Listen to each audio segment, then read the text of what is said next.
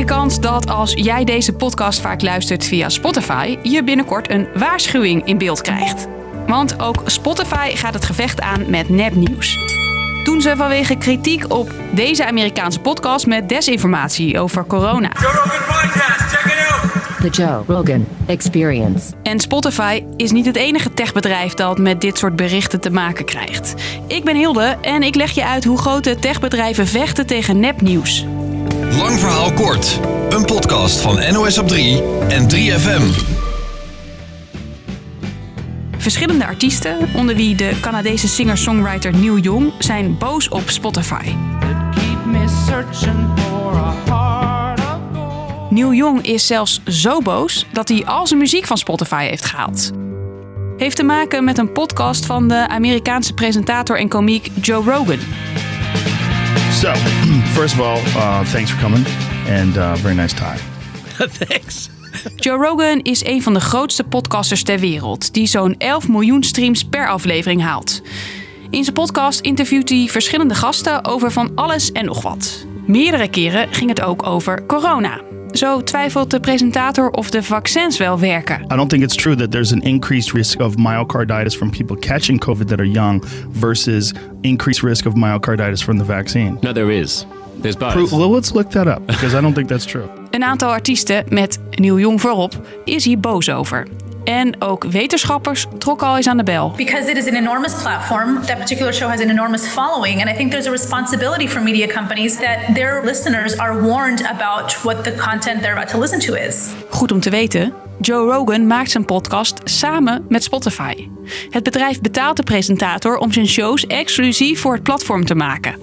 Ondanks dat is Spotify het wel eens met de kritiek, schreef de CEO van het bedrijf. Vertelt techredacteur Nando Kastelein. En zei hij eigenlijk van ja, we moeten transparanter zijn over wat we doen. Dus hebben ze ook hun gedragsregels gepubliceerd. Dus waar makers zich aan moeten houden als ze hun ja, materiaal op Spotify willen zetten. En daarnaast plakken ze bij alle podcasts waarin het gaat over corona binnenkort dus een waarschuwing en een link naar meer informatie over het virus. Spotify is niet het enige bedrijf dat de strijd aangaat met nepnieuws. Ook Facebook, Instagram, YouTube en Twitter krijgen er regelmatig mee te maken. Mr. Trump lost his primary megaphone overnight when Twitter permanently shut down his personal account. YouTube heeft het kanaal van de rapper Lange Frans verwijderd. Alleen dat gevecht tegen nepnieuws is niet zo makkelijk, vertelt Marleen Slikker. Zij doet onderzoek naar de invloed van grote techbedrijven. De discussie over wat mogen platforms nou eigenlijk wel en niet, gaan ze daar zelf over? Of reguleren we dat vanuit wetgeving? Dat ligt onder deze discussie. Maar de vraag is natuurlijk ook van, uh, ja, kan zo'n platform zichzelf reguleren? En uh, hebben we niet uh, wetgeving nodig om dat te doen, om dat ook af te dwingen? Europa werkt op dit moment aan nieuwe regels voor grote techbedrijven. Vooral bedoeld om de bedrijven transparanter te maken. Daar staat waarschijnlijk niks in over hoe die bedrijven moeten omgaan met bijvoorbeeld nepnieuws. Daarvoor zijn bedrijven dus voorlopig zelf verantwoordelijk. Volgens deze deskundige is er de afgelopen jaren wel wat veranderd. Je ziet dat er heel veel maatschappelijke druk is op techbedrijven vanuit de overheid, maar ook vanuit de samenleving, om meer te doen aan nou ja, complottheorieën, desinformatie. En je ziet ook dat, dat partijen als uh, Facebook en uh, Google met YouTube wat strenger zijn gaan optreden. Techbedrijven lijken onder druk dus steeds strenger op te treden. Maar ook daarop is kritiek. Dus wat hier eigenlijk aan de hand is, is een koep van linkse of extreem linkse partijen, waaronder Twitter, Facebook, die gewoon hun kans grijpen, hun moment pakken om maar, te zeggen: nu hebben wij gewonnen. Schaamteloos. Terug naar Spotify. Je hoort mijn collega Nando nog een keer. Spotify ziet zichzelf natuurlijk als een entertainmentdienst.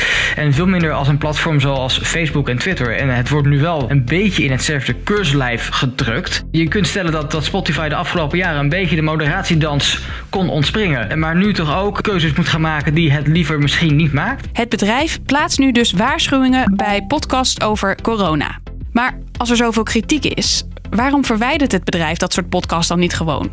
Deels gebeurt het al. Ze hebben sinds het begin van de pandemie, zeg ik uit mijn hoofd, 20.000 podcastafleveringen verwijderd. Dus dat is niet niks. Maar de podcast waar het nu over gaat, die van Joe Rogan, zit er niet bij. Want Ik zei het al, voor die podcast heeft Spotify dik betaald. Als zij uh, zijn content offline halen, dan denk ik dat Rogan er gewoon geen zin meer in heeft en, en naar een ander platform toe gaat.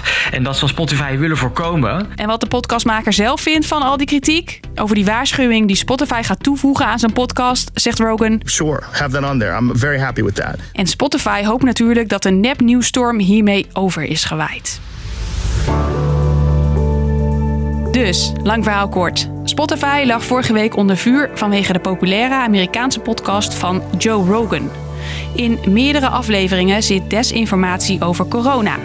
Een aantal muzikanten wil dat Spotify meer verantwoordelijkheid neemt om dit soort fake nieuws tegen te gaan. Deels gebeurt dat ook, maar verder dan een waarschuwing wil het bedrijf niet gaan.